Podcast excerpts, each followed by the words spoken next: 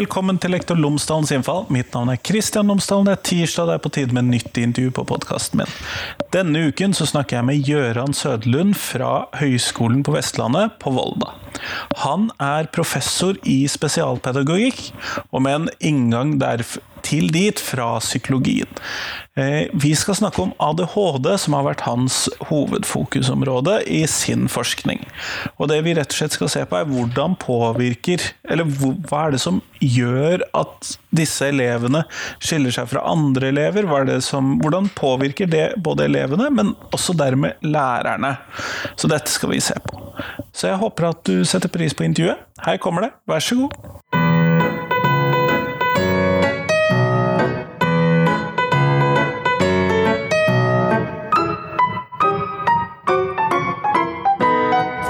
Hei! Før du får intervju på podkasten, så vil jeg bare fortelle at jeg har opprettet en Patrion-konto til Lektor Lomsdalen sin fall. Dette er fordi at eh, jeg driver podkasten uten eh, nevneverdig reklame og uten nevneverdig inntekt. Det koster ikke så mye å lage en podkast som eh, min, men det koster lite grann, og jeg hadde håpet at jeg kan få litt støtte og hjelp til å drive podkasten videre. Dette handler om penger både til å friske opp utstyret og gjøre nødvendige innkjøp der, men også for å kunne ha penger til å eh, reise på intervjuturer, sånn at det blir litt flere byer enn de vanlige Oslo- og Bergens-intervjuene, som det har blitt en del av på podkasten. Så jeg hadde håpet at du kunne hjelpe meg med det. Du finner Patrion-kontoen eh, min på patrion.com slash eller skråstrek lektor Lomsdalen i ett ord. Patrion.com slash lektor Lomsdalen, altså. Men nå får du intervjua. vær så god!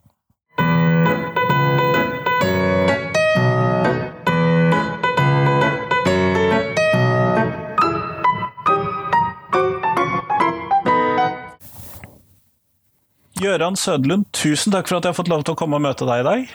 Ja, bara, bara hygglig, som ni säger i Norge, men som folk redan, redan har gissat så är jag svensk. Men jag jobbar som professor i specialpedagogik i Sångdal och har jobbat som lärare på vidaregående förut, men fick chansen att doktorera och det gjorde jag i psykologi, fagets psykologi, som jag också undervisar i. Eh, och jag är väldigt hängiven skidåkare också, så att eh, sett ur den synpunkten så är Sångdala en helt fantastisk plats. Alltså både sådana här randonnéklättringar och langrenn, då, skøyteski bara. Ja, det høres ganske passende ut. Det gjør det. Absolutt. Men og det er nettopp pga. ditt arbeid med spesialpedagogikk som jeg er her for å snakke med deg om i dag. Og ADHD, hva er det, og hva trenger jeg som lærer å vite om ADHD? Ja, det var, det, var en, det var ett mycket stort spörsmål, men vi börjar med ADHD står ju för Attention Deficit Hyperactivity Disorder. Alltså att man har problem med uppmärksamhet och man har problem med hyperaktivitet, impulsivitet. Alltså, som ni säger, några kan man säga. Uh, och den beteckningen kom ju någon gång på 80-talet, mitten av 80-talet. Uh, eh, så det har ibland ställts frågor, men Ja, är, det en, är det en uppfinning eller finns det överhuvudtaget? Då? Men man kan säga att det har då Hyperkinetic Children, alltså hyperaktiva guttar. Det har man beskrivit. Det var en man som heter George Still, av alla namn, som skrev om det i Lancet eh, 1905. Så det är inte en ny uppfinnelse att man har antalt i alla fall fenomenet? Nej, fenomenet att du beskriver det. Om du tittar på Hoffmans sagor du är för ung för att känna till dem kanske, men de skrämde ju skiten ur mig när jag var ung. Eh, som handlar om eh, Shaggy Peter, heter han på engelska, Drummelpetter på, på svenska. Som aldrig kunde hejda sig och han eh, vickade, luta på stolen så att eh, Uh, han ramlade baklänges och drog med sig hela middagen. Han drog i duken så hela middagen försvann ner. Va? Så han är väl en typisk ADHD, då, hyperaktiv typ. Och i samma bok så fanns det Hans som tittar i det blå. Han gick bara och drömde hela dagarna och så ramlade han i vattnet för han glömde att se att han gick ut på en brygga. Och så fick man se mycket tragiskt slut på sagan att hans skolväska flöt iväg långt ut till havs. Och det gjorde mig väldigt upprörd som liten och tänkte, fick de aldrig tillbaka den sen? Så jag hade mycket frågor om den där väskan då, men det är väl en typisk det man kallar idag för ADD då, Attention Deficit Disorder. De som sitter på platsen sin i klassrummet och tittar ut av dagen. Ja, som har svårt att komma igång och har svårt att avsluta och så vidare. Eh, och Sen kan man ju säga mer om det då att, att, att eh, när jag började forska kring det här så var det fem gånger så vanligt hos guttar att ha det som flickor. Nu är det ungefär ett, ett till två, alltså dubbelt så vanligt hos guttar som flickor. Okej, okay, så att det har blivit my man har uppdagat det mer hos jenter då? Eller? Yes, ja. för de är i lägre grad hyperaktiva. Och, och eh, märks inte så mycket. Så de som man har tidigare sett, det är de här som då skrevs om 1905, Hyperkinetic Children, som inte kan sitta still, som hänger i krokig arm i taket och far och flyger hela tiden. Eh, de, de, är ju svår, ja, precis, de, de är svårt att undgå. Liksom, Men de här tjejerna som aldrig får någonting gjort och aldrig kommer igång och aldrig avslutar någonting, de har vi inte sett riktigt och en del av dem inte får då kan ju bli såna här school dropouts. De försvinner iväg ur skolan när de är 14-15 och kanske umgås med killar som är 25-30 och blir tidigt gravida och så vidare. Eh, för de har inte fått den stötta de ska ha. Då. Så att, eh, det har funnits länge, alltså beteendet som vi säger på svenska, eller attfärden, finns ju beskrivet i sagoböcker, och i litteratur och i Lancet sedan 1905. Eh, det är bara att de här beteckningarna vi hade tidigare, MBD, tror jag fanns både i Sverige och Norge. Det hördes känt ut, men jag tror jag för ung för den. Det var minimal brain disorder. Och sen när man börjar liksom kolla i hjärnan då, så hittar man ingen disorder. Och då var det minimal brain dysfunction som det fick vara. Då, då för det var något som inte funkar som det ska. Men det var något sånt där, alltså alla som var lite ellers fick den diagnosen. Så det kunde ha varit sådana som var eh, svagbegåvade, det kunde ha varit autister, det kunde ha varit allt möjligt. En säckebetegnelse med andra ord? En, precis, ett sånt ord. En säckebetegnelse. Det kunde vara vad som helst nästan. Eh, så den var inte så mycket bruk för. Så ADHD är väl nu mera då, då så att säga etablerat och accepterat. Men det finns ju då en, en, en eh, diskussion bland, inte minst bland sociologer, både i Norge och Sverige, om det ens finns. Och det hävdar ju då att ADHD är en social konstruktion. Och det har de alldeles rätt i. Alla diagnoser är sociala konstruktioner. Va? Ehm, 37 och 5 är frisk och 37 och 6 är sjuk. Och Det är väl NAV som bestämmer när man har feber eller inte feber, när du får ersättning när du är hemma från jobbet. Va? Så det är klart att vi hittar ju på beteckningar för, för sjukdomar och sådana saker. Så, så, att det här är ju då ett samlingsnamn för någonting. Men det som är problematiskt kanske med ADHD är då att det är en väldigt heterogen grupp. Det kan se ut på väldigt många olika sätt. Feber är lite mindre komplicerat. Det är bara en parameter, kroppstemperaturen. Och här är det mycket det kan vara då jeg ser det. Men hva trenger jeg å vite som lærer om Eh, om ADHD? Hva, vad är, det no, er, det noe, spesielt du ville trukket fram der som jeg trenger å vite, annet enn at elevene vil være forskjellige? Ja, altså för det första då så kanske jag ska tillägga då att jag menar att ADHD finns. Eh, det, det, kan ju vara viktigt. Och att man har nytta av att veta att det finns för att man då som lärare ska kunna anpassa sig. Och man ser ju då att i den här senaste siffran jag slår nu var det strax över 80 procent eh, i såna jättelika genetiska undersökningar över hela världen ärftlighet i ADHD. Så man kan säga att det har en neurobiologisk grund. Och då är det vissa saker som de här barnen har svårigheter med. Eh, och det måste man i sin planering som lärare kunna ta hänsyn till. Ja, men om jag säger det, men herregud, nu ska jag bara prata fem minuter. Kan du inte bara skärpa dig nu? Nej, de kan inte det. Alltså gör inte det. Utan du ska då se hur, liksom, vilka förutsättningar de har då, då för att kunna Alltså vilka uppgifter de kan klara av och vilka uppgifter de inte kan klara av. Va? Sen beror det ju på då, det som jag sa med samsjuklighet, att många då med ADHD kan ju ha läs och skrivvansker också. En del har autistiska drag också. Så det skapar ju massa olika förutsättningar då, men, men om man bara accepterar att du får ta reda på vad de klarar och vad de inte klarar. Men generellt sett då, det är ju då att sitta ställ, still och lyssna länge. Ett gemensamt träck hos alla är ju då till exempel att man har ett begränsat arbetsminne. Det vill säga ett processminne kan man kalla det för. Alltså minne och göra analogier till datorer är egentligen väldigt dåligt. Men när det gäller arbetsminne är det lite fiffigt. Då kan man säga att det är som ramminnet. Alltså har du för många program igång samtidigt, då vet du, då blir din computer lite seg. Va? Ja. Och det blir de också. Och en, en som har gott arbetsminne kanske kan hålla tre, fyra saker i skallen samtidigt och försöka hålla isär dem och hålla ihop det på något vis. Har du ADHD så kan du ha, ha en eller två saker i minnet. Va? Och då om du tänker dig som lärare att du ska jobba med något projekt och så skissar upp en fin bild och du som lärare, du har hållit på med det i tio år. Så du vet precis vart det här projektet ska leda. Så du har en tjusig bild i din skalle. Den bilden får aldrig barnet med ADHD. Utan det blir bara massa spridda fakta, spridda ord och, och en oro. Äh, vad, vad, skulle vi göra nu igen? Hur, hur, hur skulle vi... Vad ska jag börja med? Liksom? De har inte ofta den här systematiken att börja med en sak, gå från höger till vänster, uppifrån och ner. Och Då blir det liksom kaos. Och, och En del brukar likna det vid att de har inget filter. Och Det innebär också att de är väldigt lättstörda utifrån. Då att, att om man har ett filter, då kan man ju, när du sitter på bybanan som jag åkte nyss, då, då kan du sitta och läsa en bok och så glömmer du att gå av tåget för du bara fastnar i boken. Det händer inte då. För du klarar att skärma dig mot det som sker runt dig? Ja, helt och hållet. Att du kan skärma av dig. Och det kan de flesta människor mer eller mindre bra. Och de saknar den förmågan då.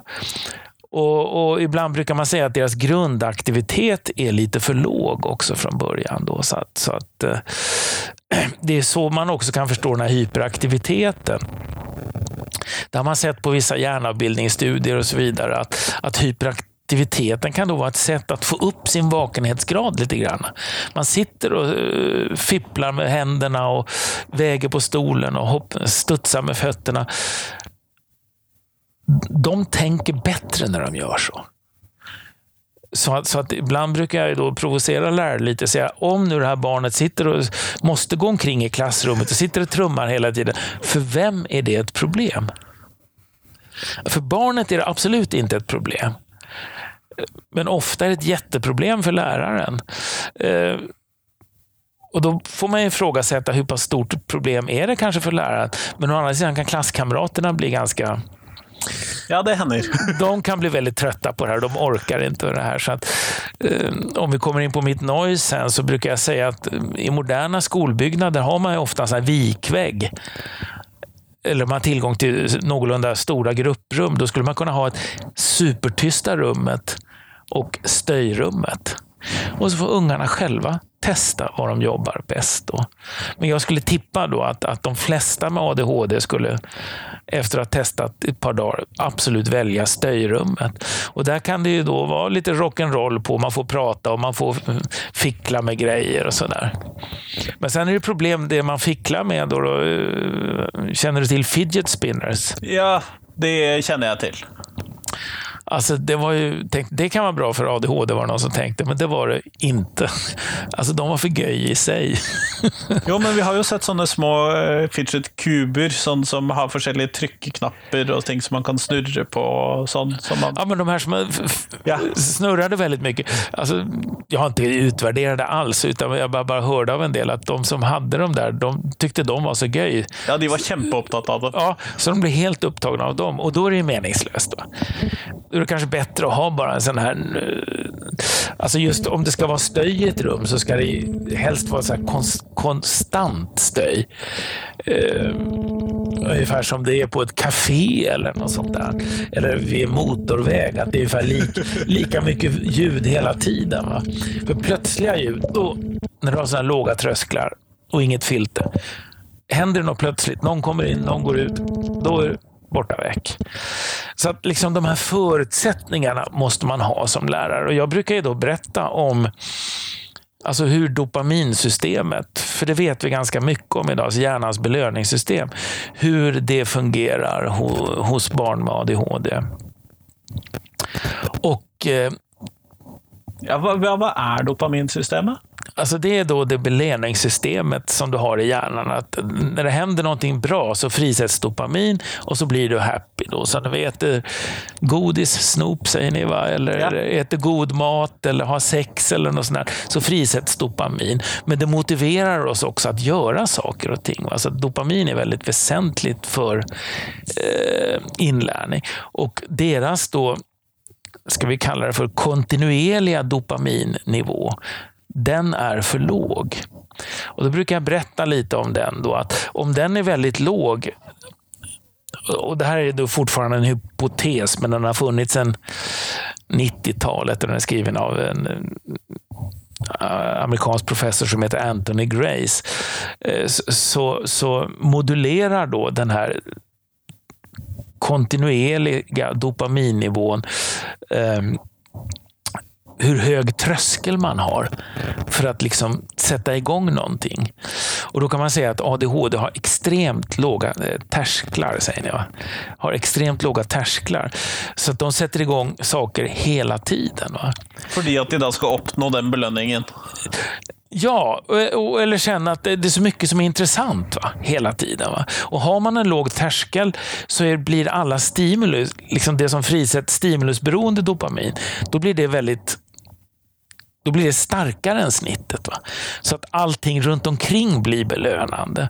Eh, och Det här eh, känner jag nu är lite svårt att prata om i radio. Jag brukar alltid ha en bild på tavlan när jag visar hur det här ser ut. Då. Men, eh, men du har en konstant dopaminnivå. Om den är låg, då när det plötsligt händer någonting, då blir det dopaminsvaret på det, det blir väldigt högt. Va?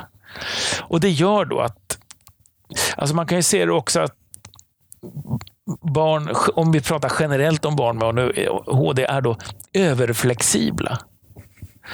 Nämligen att man byter riktning mitt i steget hela tiden. Va? Och Då gäller det att man ska försöka få dem som lärare att gå kvar på samma stig lite längre tid. Då. Och hur ska vi göra då? Och, då? och då är så att säga tekniken att för det första se till att det är uppgaver då som inte gör att man måste ha fem program igång i hjärnan samtidigt. Utan att man har en eller två uppgaver åt gången och att de här är väl definierade så att jag känner vad jag ska göra. Och sen att du då får feedback när det är klart. Räkna två uppgaver, kom till mig sen. En rätt, en fel. Bra, rätta den, kom tillbaka igen. Va? Medan en del som har god uppmärksamhet, som, som ibland verkar det som det flickor som är majoritet där, de blir bara störda av att få feedback. De vill jobba i lugn och ro tills de är klara. Ja, och, kan planlägga och allting sånt där. Här är 30 uppgifter, gör dessa. Vill ju då funka dåligt med dessa ADHD? Eller? Ja, det är katastrof. Alltså, kom inte ens på idén. och det är liksom sådana grundläggande grejer helt enkelt, kom inte på idén då. Så, så, att den här överflexibiliteten, och då gäller det att de får en riktning hela tiden. Jag vet ju att man har haft eh, eh, ibland för barn med, med, autistiska problem så brukar man ha på sidan av bänken sån här, vad heter det, sån här ratch, vad heter det? Eh, som man kan ha till skor också. Och borrelås? Borrelåsgrejer. Och så tar man matte, så tar man bort det. Norskt, så tar man bort det och så vidare. Jag tror att alla barn skulle må bra av det, i alla fall när de är under 12. Alltså att ha en otroligt tydlig struktur i skolan. Men, men de som ställer ännu högre krav på struktur är då eh, barn med ADHD. De måste veta vad som ska ske. Och sen måste de få kvitto på att de är på rätt väg kanske var femte minut.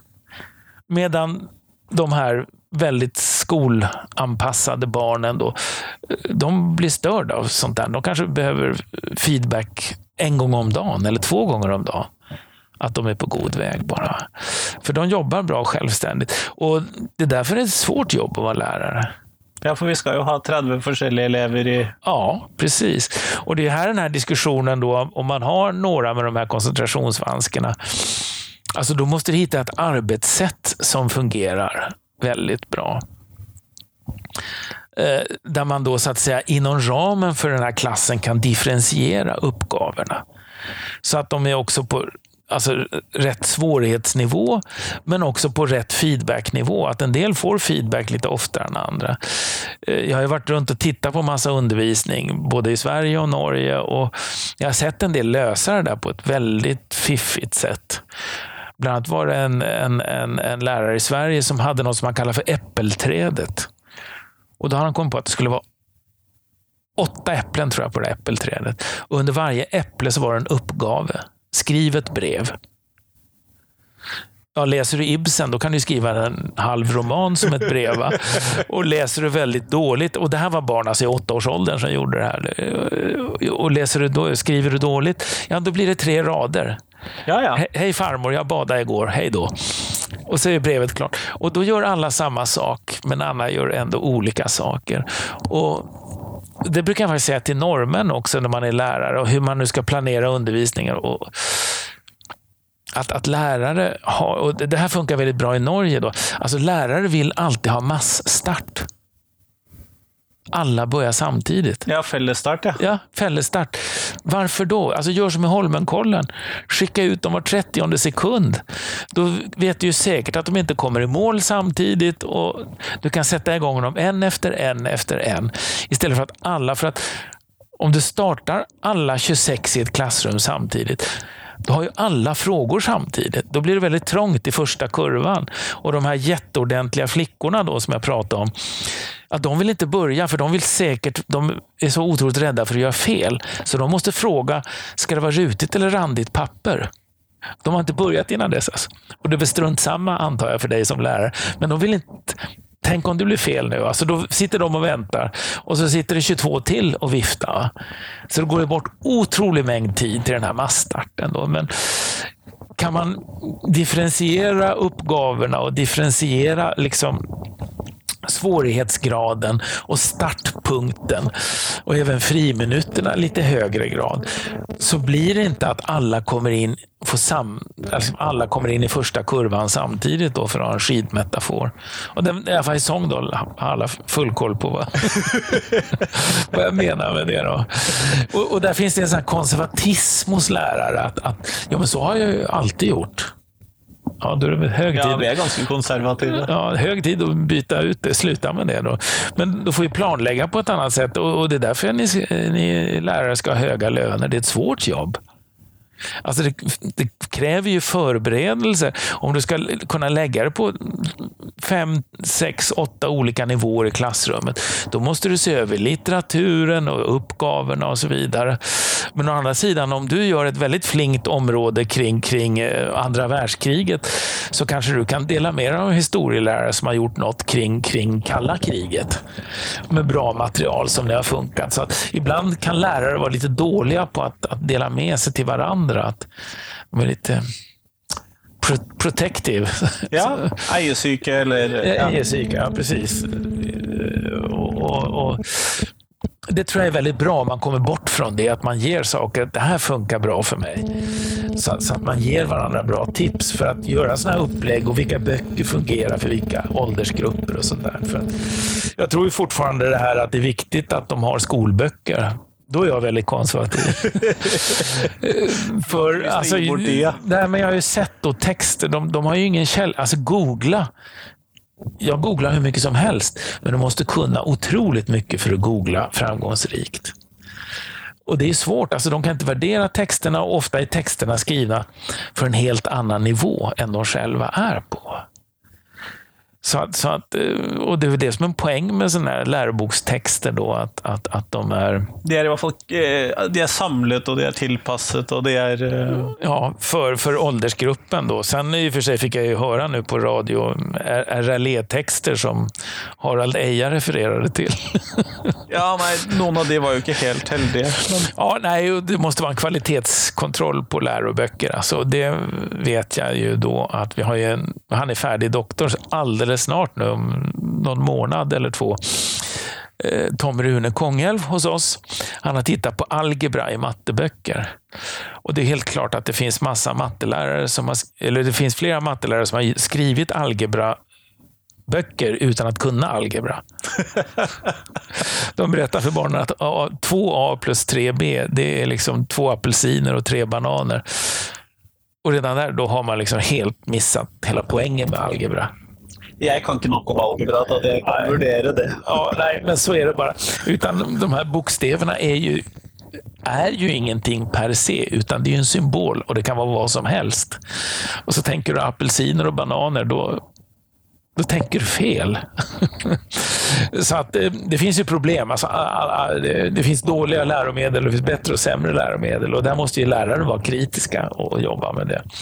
Men huvudpoängen i alla fall som jag försöker om du nu har en klass där du har barn, för man kan säga att den här alltså, kategoriska synen på ADHD har man allt mer börjat släppa. Eh, det här att man har ADHD eller man har det inte. Och Det är liksom en clean cut. Där går gränsen. Eh, Asperger avskaffar man 2013. Alltså, utan nu pratar man om autism spektrum disorder. Asperger var ju då högbegåvade autister så att säga. Som då är ett fält på denna spektrumet. Ja, och då ser man då autismspektrum. Och vad har det fått till följd? Då? Jo, då har plötsligt autism fyr eller femdubblats. Så är det någon epidemi? Är det något som händer? Men det har också stor ärftlighet. Nej, men nu har vi upptäckt massa barn som vi förr kanske kallade han är lite nördig. Ja, men då har du lite av det i det. Och du kan ha lite, du kan ha mera.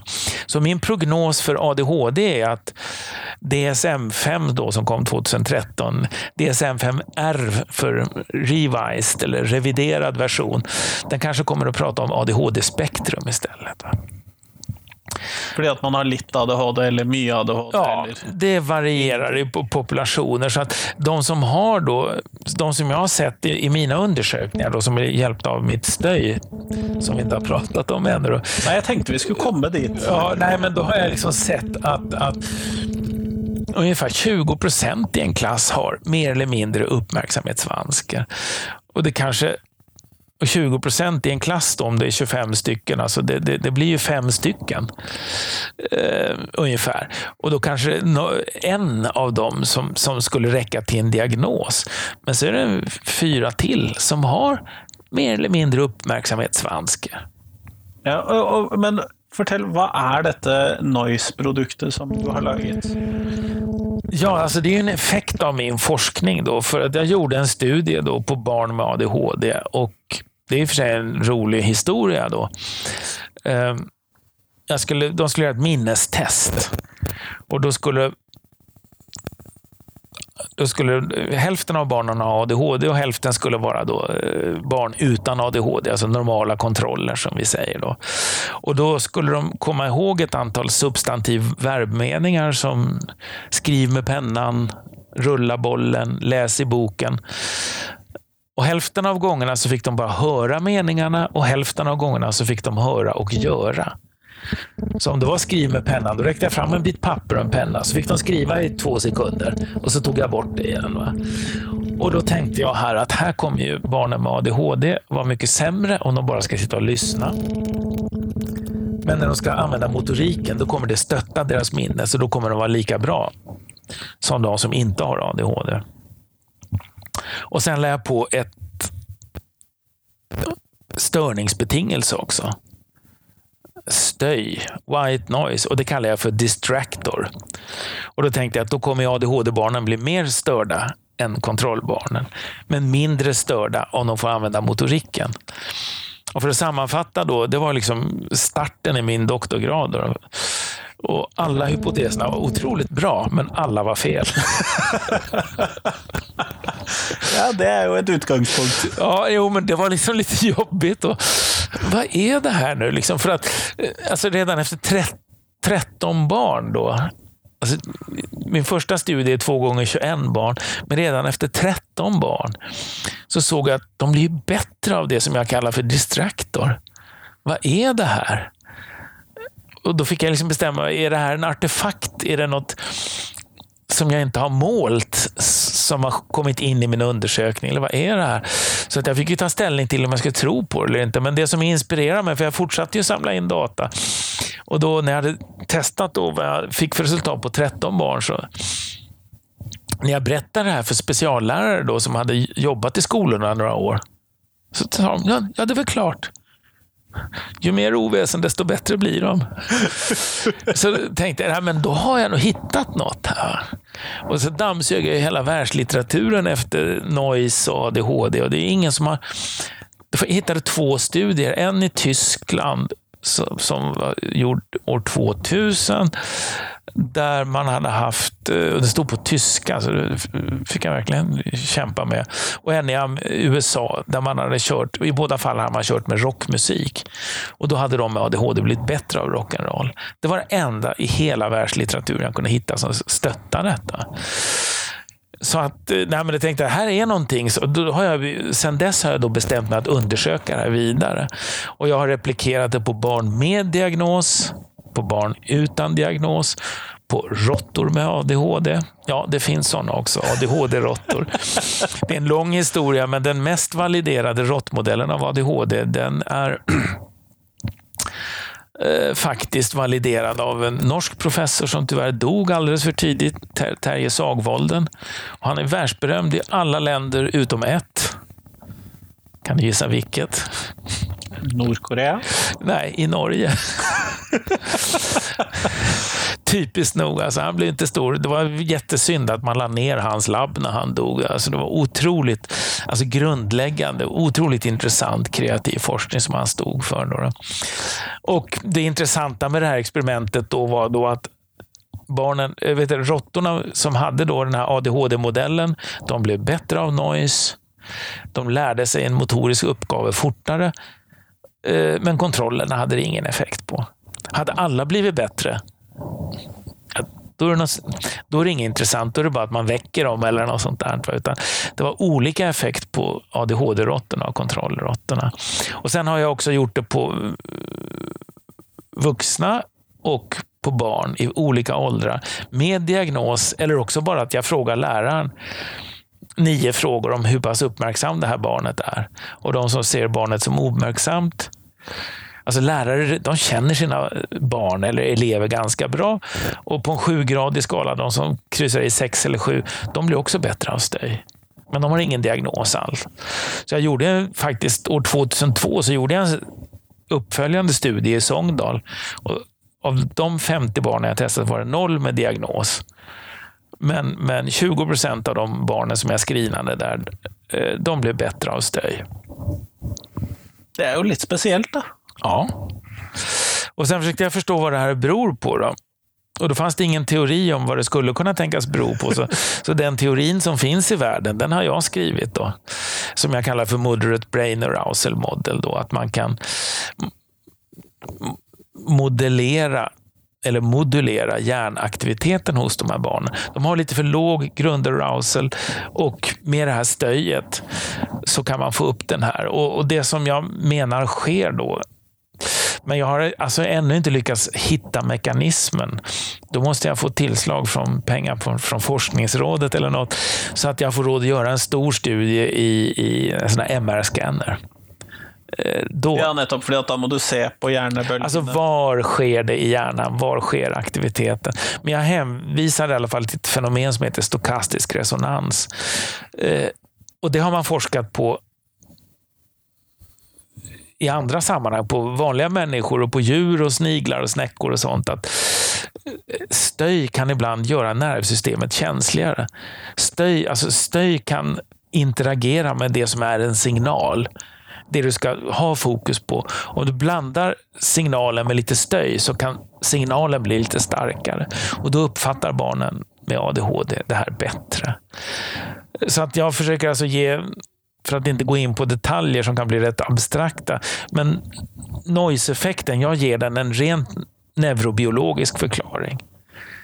Eh, men jag har ännu inte helt kunnat utesluta förklaringen att eh, det är bara maskering. Har du 80 decibel stöj på öronen, då hör du inget annat. då hör du inte när de andra pratar och då kan du fokusera på det. Det skulle fortfarande kunna vara det. Eh, jag tror inte att det är det, men... Nej, men det ville kunna förklara att det funket. Ja. Men du tror att det är något mer än det? Ja, jag tror att det är något också mer biologiskt som sker i hjärnan. Att det inte bara att det är något som, som eh, screenar av. Vi har liksom svengelska när vi pratar. Skärmar av från, från förstyrrande ting. Då, då. Att det, jag kan inte utesluta den möjligheten. Vi har, vi har nu gjort en studie med elektrisk noise. Och då får, fick vi, fast eh, vi fick inte så stora effekter som vi hade hoppats på. Eh, men vi fick i alla fall på en, ett av testen så fick vi en signifikant effekt. Och den, eh, den kan man köra dubbelblindad, att du inte vet om att du har den. Så jag håller på att fortsätta på det spåret. Då, så att vi... jo, jo, jo, men sälj om det då skulle vara den gåsøyne kjedelige forklaringen, ja. att det bara ja. blender av, så vill ju det i sig själv vara ett verktyg. Ja, jätteviktig synpunkt. Och det, det är bara att man som forskare, då är man lite nördig. Ja, ja. Så man vill veta exakt vad det beror på. Men är det den som är förklaringen så är den god nog. Alltså, som du säger. alltså du får en effekt. Eh, och jag har ju då lagt ut den här appen och den ligger ju gratis ute. Men, men det som jag beklagar då är att jag har ju sagt till lärare både i Norge och Sverige. Jag har varit på flera kommuner och föreläst gratis. Jag kommer dit, betalar resan, så föreläser jag en timme, två timmar, tre timmar.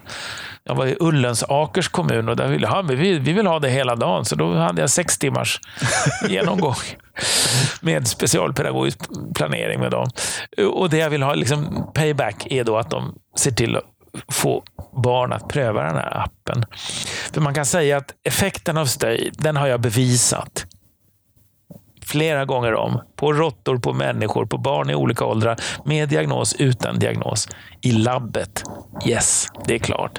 Men i klassrum är något annat? Nej, precis. Där är det någonting helt annat. Och kan det här funka i vardagen? Jag menar, bara en sån problem om det är iPhone eller iPad som ska till och sitter de och håller på med annat.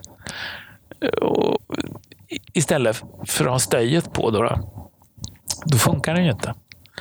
Så att ehm, och de kan heller inte ha alltså örklockor då, eller, eller proppar i öronen med stöj. Läraren kan ju inte prata samtidigt då.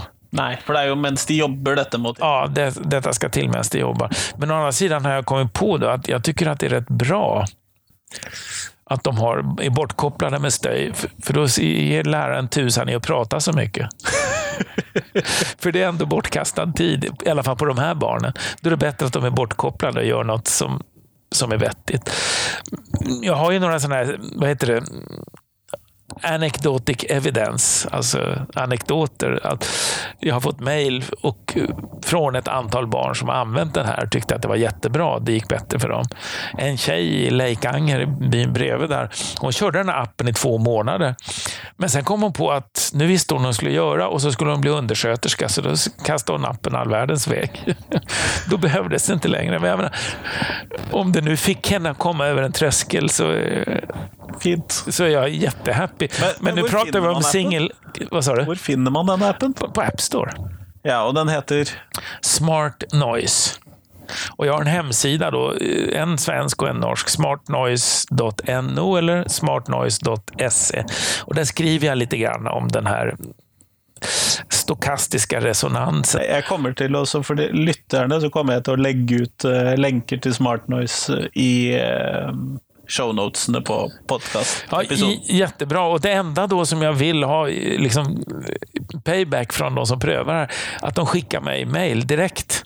I punktform, alltså det behöver inte vara formulerat på något vis, utan all form av feedback. Jag har ju massa idéer om jag skulle kunna utveckla den här appen vidare med kalenderfunktioner och sånt. Men det är inte jag som ska använda den. Det är inte jag som ska ha idéerna, utan det är de brukarna som ska ha idéerna. Så jag är jätteglad om, om de eller deras lärare orkar mejla mig. Alltså bara med fem stickord. Och även då om de tycker att det är bara skräp, att jag ska slänga den i älven, så, så jag vill ha det också. mm. Eh, nej, det tenker jeg jo for så vidt er en god ting å teste ut. I hvert fall særlig hvis man mistenker at man er denne sekseren eller sjueren på denne eh, skalaen. Og liksom, ja. kanskje har litt kortere arbeidsminne. Ja, du märker ju. Jo, det kan jag säga med den här appen. Det som är en poäng då, att uh, du får göra tre test först. Sen tar det 12-14 minuter att göra. Uh, och då är det stöj, med och utan stöj. Så när du har gjort de här testen på mindre än en kvart, så får du svar direkt av appen. Du blir bättre av stöj. Eller så står det, om du inte blir bättre av stöj, du jobbar bäst när det är tyst. Och, och, och, Det är ju viktigt, och det måste jag också framhålla här, det är viktigt att komma ihåg att de flesta, en absolut övervägande majoritet, blir sämre av stöj. De ska inte ha appen, utan det är bara de som tycker att det är skönt och bra. Men ofta så blir det att, att, att det är flera som har berättat att de sänker skuldrorna lite när stöjet går på. Ja, nei, jeg kan jo se for meg det. Nå går vi mot slutten av eh, podkastepisoden. Mm. Eh, og da har lyst til å spørre deg, hvis du skulle lage et nytt fag i norsk skole eh, Du kunne bestemme hva det skal hete, du kan bestemme hva det, som det skal inneholde. Hva ville ditt fag være? Ja, jag fick den frågan i förväg, så tänkte jag på det. Och, och då ska jag säga så här. Jag vill inte ha ett nytt fag. alltså det har ju varit skolans problem i 30 år. Så fort det dyker upp ett samhällsproblem så hittar man på ett nytt fag och så ska man lösa det problemet. Alltså det är ingen slump här i världen att vi har naturfag, fysik, kemi, biologi, modersmål, främmande språk och humaniora, historia, religion och filosofi. Det har vi hållit på med i tusen år det är inte av en slump. Och folk var inte dummare, de gamla grekerna var inte dummare än vi är idag. Jag tror de hade ungefär samma IQ som vi idag. Alltså, stick to the plan, liksom som man tänkte ut redan på antiken. Va? Och ta bort alla de här dumma popfagen som kommer upp, där man ska lära sig Ja, det var någon utbildningsminister i Sverige som ville att man skulle ha, göra om empati till ett skolfag. Alltså, det är så dumt så det saknar motstycke tycker jag. Så, så att, renodla och rensa bland fagen. Då. Alltså det är klart att du ska ha humaniora och, och, och, också, som jag tycker är viktigt, jag är ju en gammal idrottsman, löpare och skidåkare, och att man rör på sig varje dag. Men alltså det finns de fagen som finns, de räcker gott och väl. Det är inte fler fag de ska ha, utan det är färre fag, så att du kan fokusera på det du gör. Uh, och, och de här IB, de här International Baccalaureum, du vet, som är väldigt bra utbildningar. Jag har ju, ja, det har väldigt gott rykte. Jag har kompisar till, alltså jag har inte studerat dem närmare, men kompisar till mina söner har gått sådana. Va? Och jag tittar i deras böcker. De läser mycket färre fag.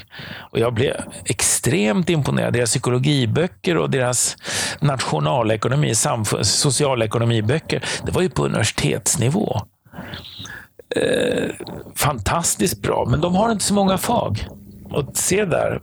Alltså jag tror det är bra att fördjupa sig mer i lite färre saker. Så att, så att, du fick fel svar på din fråga här. Jag vill inte ha fler fag, jag vill ha färre fag. Du är inte den första som säger det. Okej, okay, vad skönt att höra. Tusen tack för att jag fick låta prata med dig idag. Ja, det var jättekul att få prata med dig. Tack själv.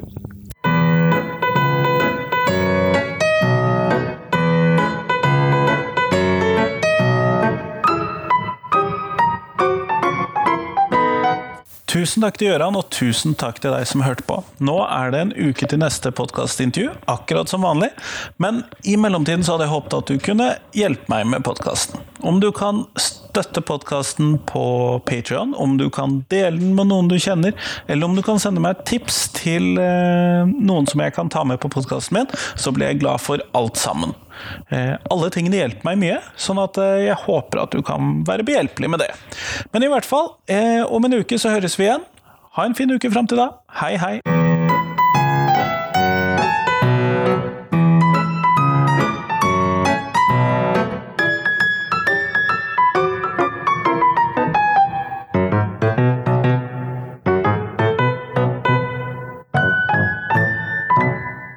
Hei! Jeg ville bare minne deg på adressen til Patrion-kontoen min før vi avslutter helt her.